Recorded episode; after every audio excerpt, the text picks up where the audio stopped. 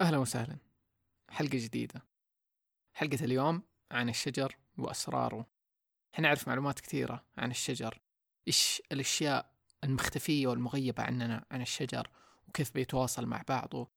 إيش دوره في الغابة وفي حياتنا حتى. معلومات كثيرة ممكن تكون أول مرة بتسمعها. كل هذا وأكثر عن الشجر وأسراره في هذه الحلقة. فلنبدأ الآن.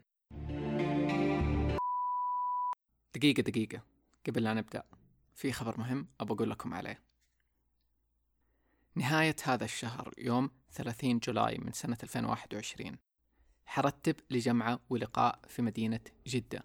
ثيم هذه الليلة هو الفضائيين ومن كذا يجي اسمها ليلة الفضائيين. حتكلم فيها عن الالينز وحسوي جلسة مخصوص أشارك فيها معلومات وحكاوي. حنسوي مديتيشن وتأمل مع بعض جماعي حيكون في كذا شيء في دي الليلة. لو إنك مهتم وتبغى تحضر شوف أعلنت عنها بالتفصيل في الحلقة اللي فاتت. نزلت مقطع صغير مدته ثلاثة دقائق في البودكاست.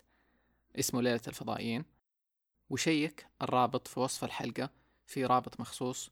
في له كل التفاصيل عن هذه الليلة فين المكان إيش التفاصيل كيف تقدر تحجز مكانك. كل دي الأشياء موجودة. فلو يهمك أحجز مكانك من بدري. واشوفكم هناك. دحين أترككم مع الحلقة لنبدأ الآن.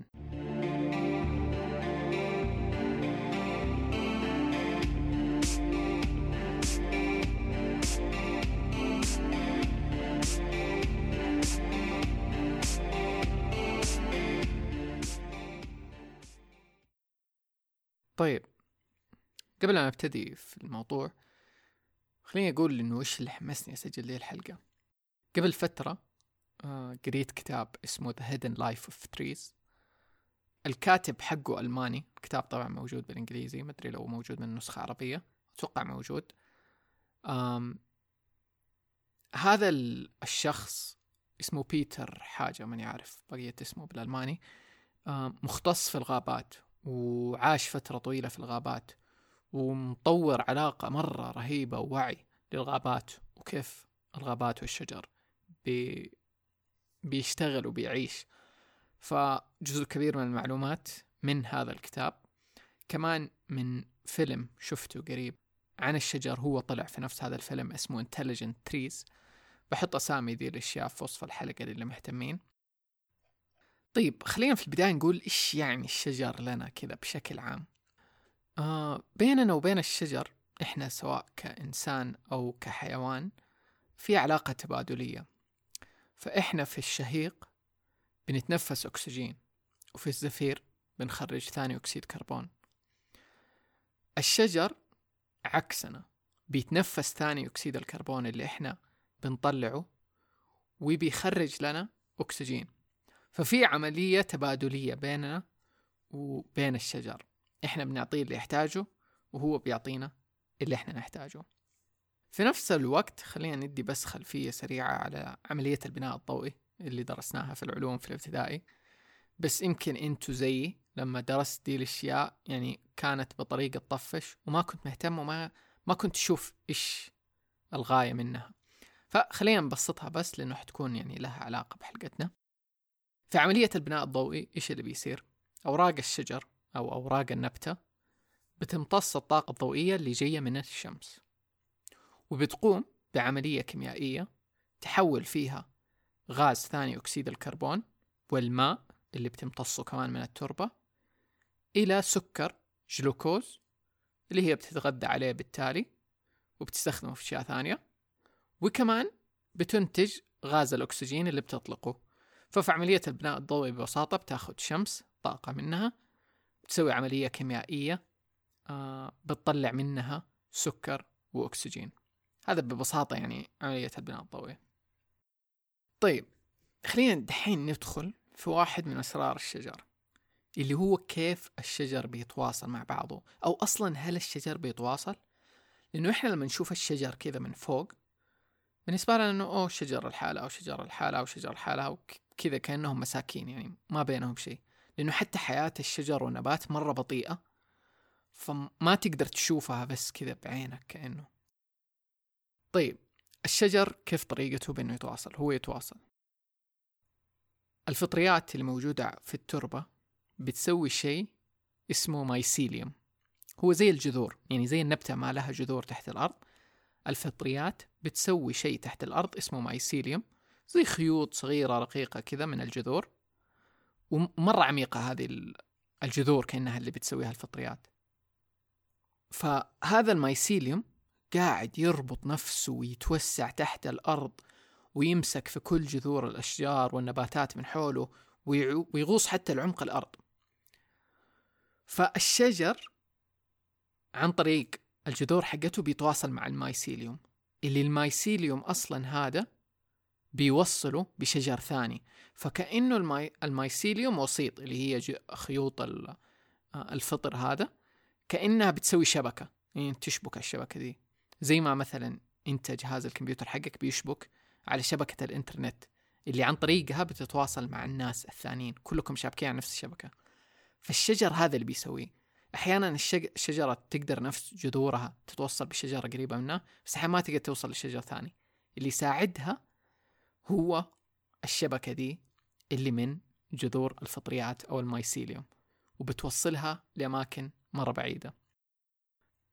في هذه الشبكة العميقة والكبيرة جدا واللي حتى يعني تحت خ... مثلا لو أنت واقف فوق تربة في الخطوة الواحدة ممكن المايسيليوم ده واصل لمئات الكيلومترات تحتك فهو مرة يعني يروح بعيد. طيب المايسيليوم ده قاعد يوفر دي الخدمة للشجر إنه يشبكها بشبكة المعلومات دي أو بالإنترنت حق الغابة هذا. إيش بالمقابل الشجر بيعطي المايسيليوم يعني في عملية كأنها عملية مقايضة. فالمقابل اللي بيصير إنه الفطريات بتعطي الشجر المغذيات اللي تحتاجها من التربة لأنه الفطريات هذه واصلة لأعماق الأرض فبتطلع كمية مغذيات مرة كتيرة بتدي الشجرة اللي تحتاجه منها. بالمقابل الفطريات هذه تاخذ كربون من الشجر أحيانا تاخذ سكر جلوكوز مثلا اللي تحتاجه. وحتى بعدين لو مثلا الشجرة ماتت هي بتتغذى على الشجرة ذي. بس هذا الأساس في المقايضة اللي بتصير بينهم. ففي هذه الشبكة الشجر بينقل كل المعلومات اللي يحتاجها وبيتواصل مع الشجر الثاني كمان. فمثلا بيتبادل ماء بيتبادل نيتروجين بيتبادل كربون بيتبادل حتى إشارات خطر وتنبيه للأشجار الثانية. وهرمونات كمان. وهذا الشيء أثبت علميا في تجارب تمت في ذا الموضوع عشان تبين كيف الشجر بيتبادل مثلا الكربون المختلف آه والماء وغيره. طيب من الأشياء اللي لاحظناها يعني العجيبة في ذا الموضوع إنه في علاقة كأنها بين الشجر اللي من نفس النوع. يعني لو كان في شجرة وجنبها شجرة ثانية من نفس فصيلتها بيساعدوا بعض وما بيتنافسوا على الموارد يعني ما بيتضاربوا مين ياخذ مويه أكثر مين ياخذ مدري إيش. لا. والشيء الأساسي إنه بالعكس يعني الشجرة القوية تساعد الشجرة الضعيفة اللي مثلا ناقصها موارد. ومن هذا بنلاحظ إنه الشجر يحبوا يكونوا مع بعض وقريبين من بعض في مجموعات إنه ما تكون الشجرة لحالها. كل ما كانت الشجرة لحالها كل ما كان فرصة نجاتها أقل بكثير. فالشجر مع بعض بيساعدوا بعض بيتواصلوا مع بعض بيتبادلوا معلومات. وكمان الشجرة الكبيرة تساعد الشجرة الصغيرة اللي لسه بتنمو وكأنها علاقة أم وابنها. وغالبا مثلا هذه الشجرة اللي تكون عملاقة في الغابة يسموها الشجرة الأم. والشجرة الأم هذه لوحدها ممكن تكون مرتبطة بمية شجرة ثانية. في المية شجرة الثانية هذه قاعدة تساعدهم وتكبرهم وعادة جنب الشجرة الأم يطلع شجر صغار. كمان من الأشياء الملاحظة إنه الشجرة الأم واعية لأبنائها. يعني تعرف مين آه مين الشجرة اللي طلعت مثلا من نفس بذورها. وتتصل معاها بجذور بجذور عن طريق المايسيليوم زي ما قلنا جذور الفطر. وتزودها بموارد أكثر عن الشجرة الثاني كمان من الأشياء اللي لاحظوها أنه الشجرة الأم تقلل مساحة التنافس على الجذور بينها وبين مثلا الشجرة اللي هي آه، طفلتها. عشان يكون في مساحة أكثر للشجرة هذه الصغيرة إنها تنمو وحتى تمسك جذورها بقوة.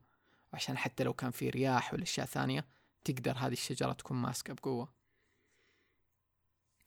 كمان من الأشياء الملاحظة إنه الشجرة ممكن يكون صداقات مع الشجر الثاني يعني تحديدا الشجر اللي يكون جنبه. فاللي لاح مو دائما طبعا تصير ناسي كم النسبة اللي قريتها إنه تصير بس يعني تصير كل بين كل عشرة إلى خمسين شجرة أو مية شجرة شيء زي كذا. فالأشجار هذه لما يكونوا أصدقاء إيش اللي بيصير؟ هم بيتبادلوا طبعا الموارد وكل دي الأمور بس كمان توصل لدرجة إنه حتى فروع الشجرة وأغصانها اللي فوق يبنوها بطريقة بحيث إنها ما تتداخل مع الشجرة اللي جنبها. عشان يكون لكل واحد مساحته وكل واحد عنده نفس مثلا الكمية من ضوء الشمس ما حد بيغطي على الثاني. لدي الدرجة يعني العلاقة. كمان الجذور ممكن تترابط مع بعض للأشجار القريبة بشدة. يعني يلفوا حول بعض يربطوا بعض بجذورهم ببعض وعلاقتهم هنا تصير زي علاقة الأزواج. اللي لو واحد منهم اتضرر أو مات الثاني يعاني. لفترة وممكن يموت بعده كمان. وزي ما قلنا إنه لما تنفصل شجرة عن مجموعة تعاني الفترة. وفي حال ما قدرت إنها تتواصل مع شجرة ثانية في الغالب حتموت. وهذا الشيء ممكن يصير مثلا لو مجموعة من الأشجار ماتت لأي سبب آه كان وتركوا شجرة لحالها. فهنا نلاحظ كيف الشجرة تعاني لو ما قدرت تسوي مثلا تواصل مع أي شجرة. ثانية لأنه ما كانت قريبة أو ما كان في مايسيليوم تقدر تشبك فيه متصل بشجرة ثانية. في شيء كمان إنه لما نقول شجرة غالبا نتخيل إنه يعني لما أقول لك شجرة تخيل شجرة. أنت حتتخيل جذعها وأوراقها وغالبا الجزء اللي فوق الأرض بشكل عام. ما يجي في بالك إنه الشجرة مو اللي تشوفه فوق بس. يعني أصلا اللي فوق هذا يعتبر جزء مرة بسيط من الجزء الأكبر من حياتها اللي هو تحت الأرض. فالجذور تتوسع حتى ثلاثة أربع مرات من حجم تاج الشجرة. تاج الشجرة لو أنك قد سمعت المصطلح ذا crown of tree تاج الشجرة هو اللي فوق اللي هي أوراق الشجرة uh, والأغصان اللي فوق. فالجذور تحت بتتوسع حتى يمكن أربع مرات من حجم التاج فشيء مرة كبير.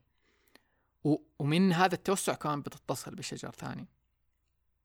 وهنا نجي نلاحظ شيء عجيب. إنه لو شجرة ماتت أو انقطعت مثلا جاء أحد وقطع شجرة أوكي؟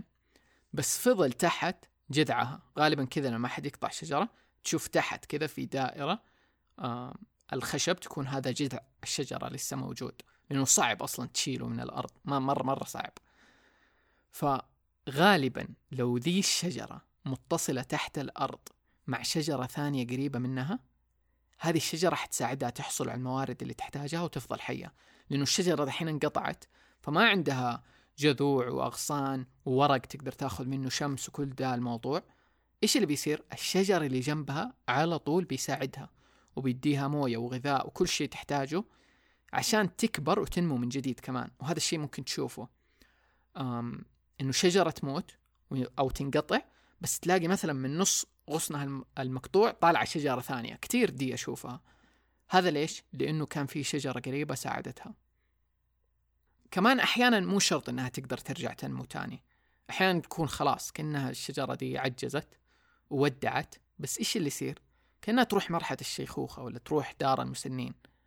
فالشجرة تصير مخزن للمعلومات والمعرفة حقتها عبر السنين من كل الخبرات اللي أخذتها لأنه الشجر يخزن ذا الشيء. ما نقدر نعرف اليوم فين المكان تحديدا اللي بيخزن الشجر فيه له المعلومات اللي من تجاربه بس غالبا هو في الجذور والجذور تكون كأنها الدماغ حق الشجرة. فلما يكون عندنا جذع شجر ميت وصامد لسنين غالبا إنه الشجر القريب منه قاعد يغذيه ويعطيه كل اللي بيحتاجه وبيستفيد من معرفته كأنه الجد الكبير اللي موجود فما يرجع إنه يطلع شجرة تاني بس لسه قاعد.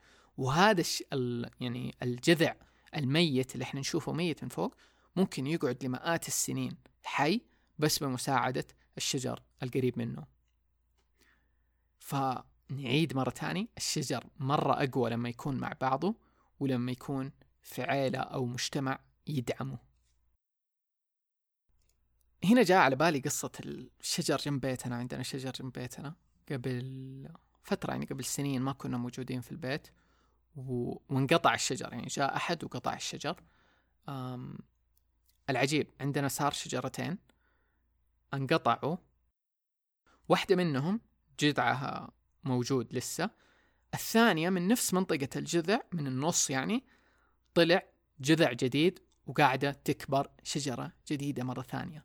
ليش؟ لأنه جنبها من الناحية اليسار في شجرة لسه حية. غالبا دي الشجرة قاعدة تدعمها. بينما الغصن الثاني اللي هو على يمين الشجرة آه الثانية ما حوله أي أحد لا من اليمين ولا من اليسار آه أي شجرة لأنه هو في رصيف. فما في أي شجر يدعمه كأنه فما قدر يطلع.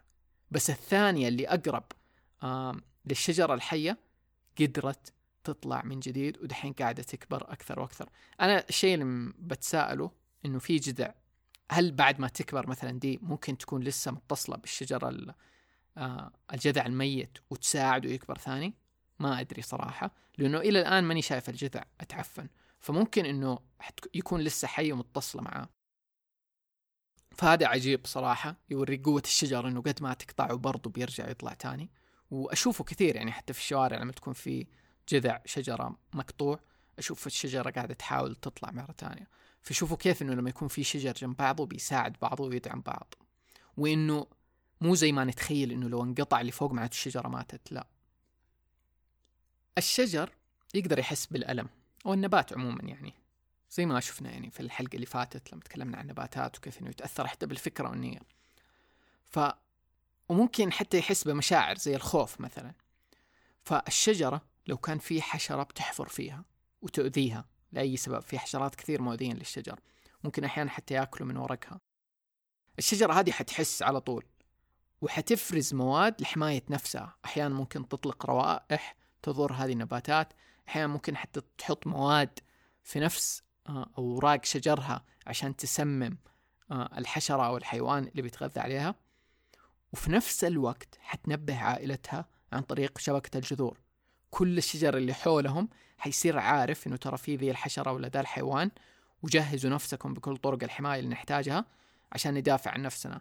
لأنه الشجرة زي ما قلنا أبطأ. عالم الشجر والنبات أبطأ من عالمنا. فعبال ما الشجرة مثلا تطلق آه المواد الكيميائية المعينة اللي تبي تسويها عشان تو مثلا تسمم الحشرة حتاخذ وقت تقول إلى ساعة مثلا. فهي في هذا الوقت بتستغل إنه تتواصل مع الشجرة الثانية عشان تنبههم. أول ما يجيهم نفس هذا الحيوان يكونوا جاهزين. كمان الشجرة والنبتة ذكية. تقدر تعرف إيش نوع الحشرة اللي بتاكل من ورقها؟ وهذا الشيء بتعرفه عن طريق امتصاص لعاب الحشرة ذي مثلا وتحلل بالتالي مين ذا الحيوان وإيش إيش مثلا طريقة الدفاع المناسبة لي. وهذه الأشياء اللي الشجرة تأخذها من المعرفة والأشياء اللي تخزنها من تجاربها السابقة وحتى زي ما قلنا لما تتصل بشجرة مثلا معمرة وعندها خبرات كثير فعجيب مرة صراحة دي إنه كيف الشجر بيتواصل مع بعض وبيساعد بعض. حتى زي كذا في وقت الخطر. كمان خلينا نتكلم عن الشجر والمطر. هل الشجر ممكن يجيب لنا مطر؟ لأنه إحنا لما أقول لك كيف يجي المطر حتتخيل زي ما كلنا نتخيل موضوع بسيط. السحب تتكون من ماء البحر اللي بيتبخر. السحب دي بتمشي وبعدين بتهطر على الأرض مثلا. لكن لو فعليا إحنا كنا نعتمد على دي الطريقة فالسحب والمطر بس حيوصل للأماكن اللي هي مثلا حدود القارة اللي جنب البحر اللي جنب الساحل. لأنه السحب حتمشي مثلا مئات الكيلومترات قولوا 400 كيلومتر وبعدين حتكون خلاص فرغت الماء اللي جواها و... والباقي حيصير صحراء قاحلة. بس هنا الحمد لله على الشجر. لأنه الشجر بيحل دي المشكلة. إيش بيسوي الشجر؟ بدل ما إنه السحب ما تقدر تمشي أكثر من كذا اللي هي مثلا خلينا نقول 400 كيلومتر ولا 300 كيلومتر من البحر الشجر لما تهطل المياه هذه على غابة حول مثلا الساحل الشجر بيجمع هذه المياه أوكي؟ وأول شيء الشجر بيسويه لأنه ش... هذا الشيء ما يقدر يسويه إلا الشجر وكميات كبيرة من الشجر. إنه الشجر بيسوي غطاء نباتي مرة كبير أوراقه كبيرة أغصانه كبيرة منتشرة. فالمياه بتنزل كإنه حبة حبة مو بتنزل كمية مياه مرة كبيرة على الأرض وبالتالي بتنجرف مثلا آه وتكون مثلا سيل أو مجرى مياه وبتبعد المياه دي. لا فالموية بتنزل حبة حبة من من الشجرة بتوقف شوية على الشجرة. وبعد ما توصل للطبقة العلوية للتربة الشجرة برضو بتمتصها تاني لما تاخذ كفايتها وتاخذ احتياطاتها كمان من الماء اللي تحتاجه. بعد ما تعبي كل دي الأمور الشجرة بتطلق الماء الزايد في صورة رطوبة من مسام أوراقها. هذه الرطوبة بتتبخر وبتسوي لنا سحب جديدة تقدر تمشي أعمق. فهذا الشيء اللي يخلي مثلا عندنا غابات الأمازون وسط قارة أمريكا الجنوبية وفي هذه الغابات. لو ما كان في غابات جنب الساحل آه، حق القارة ما كان قدر هذه السحب وهذه الأمطار توصل لعمق القارة جوا. فالشجر والغابات تحديدا هم المحرك الأساسي والمكون الأساسي أنه يخلوا عندنا سحب أكثر تقدر توصل لعمق القارة. في حتى كلام كيف أنه الشجر بيكون رطوبة أكثر أو الغابة بتكون رطوبة أكثر حتى عن طريق الرياح اللي موجودة بتجذبها لها. و... ومو بس كذا إنه كمية الرطوبة والسحب اللي تتكون من الغابات بيقول لك إنها أكثر آه من اللي بيتكون عن طريق المحيطات. فهذا معناته دور الشجر في إنه يوفر لنا المطر والماء وعشان يكون لنا مساحات خضراء جوا الأرض. دور مرة أساسي وكبير فبدون الشجر ما نقدر نسوي دي العملية. اليوم بسبب قطع الأشجار قاعد يصير تأثير مباشر على هطول الأمطار وهذا الشيء صار حتى واضح في البرازيل مكان غابات الأمازون واللي بيصير في البرازيل قطع أشجار بكميات مهولة جدا. لأسباب مرة كثيرة من أهمها كمان زراعة المواشي إنهم يحتاجوا أرض فاضية وأشياء كثير. طيب خلينا نشوف موضوع الشجر في فصل الشتاء. ليش الشجر يرمي ورقه لما يجي الشتاء؟ تحديدا في الأماكن الباردة. ليش الشجر يسوي كذا؟ الشجر وهذا أصلا شيء تاني يبين لنا كيف إنه الشجر ما هو الشيء اللي فوق. فلما بيجي الشتاء الشجر بيرمي ورقه بس بعد الشتاء بيرجع يطلع من جديد. هذا معناته إنه عايش من تحت. ففي أسباب مرة كثير من اللي بشوفه إنه ليش الشجر وقت الشتاء يسوي ذا الشيء. فالشجر بينقل آه، السوائل من جذعه للأغصان والأوراق عشان يغذيها وينقل الماء. فلو جاء فصل الشتاء وهذه السوائل موجودة في غصن الشجرة وتجمدت بسبب درجات البرودة العالية ممكن هذا الشيء بسهولة يسبب أضرار كثير للشجرة منها آه إنه تصير تنكسر بسهولة. برضو في هذه الفترة بتواجه كميات كبيرة من الرياح أو بالعواصف الثلجية. فمن اللي شفته هذا الشيء الأساسي. تحتاج الشجرة أنه ما يكون فيه سوائل. ممكن تتجمد في أغصان الشجر ولها عدة عوامل برضو. فعشان كذا أول شيء الشجر يسويه أنه يوقف الماء والغذاء للأوراق ويتخلى عنها كأنه ويحتفظ بمخزونه اللي مثلا أنتجه طول السنة أو اللي عنده من الغذاء. وخلاص يوقف يعتمد على البناء الضوئي في ذي الفترة. كمان من الأشياء أنه بيقول لك خلايا الأوراق لو إنه سابها تتجمد مثلا فصل الشتاء حتتضرر. فمن هذا المبدأ هو بيتخلى عنها في الشتاء عشان يطلع واحدة جديدة بعدين. كمان من النظريات كيف بعض الشجر في بعض المناطق اللي توصل درجات برودة عالية نشوف كيف إنه مثلا الورق يصير لونه أصفر أو أحمر أو برتقالي في فصل الشتاء وهذه تختلف من شجرة لشجرة. فلما يجي فصل الشتاء والشجرة بتتعرض لكميات شمس أقل بالتالي بتوقف مثلا تنتج الكلوروفيل اللي هو بيدي لون أخضر وبنشوف إيش الألوان الثانية اللي تحته. هذه من الأشياء اللي شفتها. طيب هذا بالنسبة لل... للشجر. وهو ترى فعليا يعني من اللي قريته بيمر بصعوبات مرة كثيرة أصلا في فصل الشتاء ومخاطر مرة كثيرة. كثير شجر يموت في الشتاء آه بالذات الأماكن اللي فيها عواصف ثلجية قوية ورياح. الشجر لازم يكون قوي وعنده جذع وجذور قوية في الأرض آه يقدر يمسك فيها وتساعده. آه ففي شجر كثير يتعب في هذه الفترة وفترة العواصف الثلجية وكثير شجر ذكي وبيتعامل بطرق مرة ذكية مع هذا الموضوع آه وبيخرج منها. فالشجر مع الوقت كأنه طور دي المعرفة إنه لازم أنا أرمي الورق لازم أسوي كذا كذا كذا. فتلاقي الشجر بيتعلم من بعضه في ذي الناحية. طيب خلينا آه نقول إيش بس كذا نعد ببساطة ويعني ما حنعد كل شيء. إيش فوائد الشجر لنا وللأرض؟ واحد الشجر راحة نفسية. اللون الأخضر اللي الشجر والنبات يدينا هو يعطي راحة نفسية عجيبة. وقد تكلمنا عن الموضوع في حلقة الشاكرات أظن. لما قلنا كيف إنه شاكرا القلب مرتبطة باللون الأخضر. فأي لون أخضر طبيعي لما تشوفه يشرح قلبك. هذا الشيء مهم الشجر بيعطينا هو. أم كمان الشجر قاعد يعطينا أهم شيء نحتاجه الأكسجين اللي نتنفس عن طريقه. آه ولو ما كان موجود بالكمية اللي هو موجود بيها بالوفرة هذه راح نتعب. في نفس الوقت بياخذ مننا ثاني أكسيد الكربون اللي هو كل هذا الغاز الضار اللي قاعدين ننتجه حتى بالمصانع والسيارات وغيره. الشجر قاعد يساعدنا إنه هاتوه أنا حاخذه. وححوله لكم لأكسجين. بالتالي بنحصل على هواء نقي.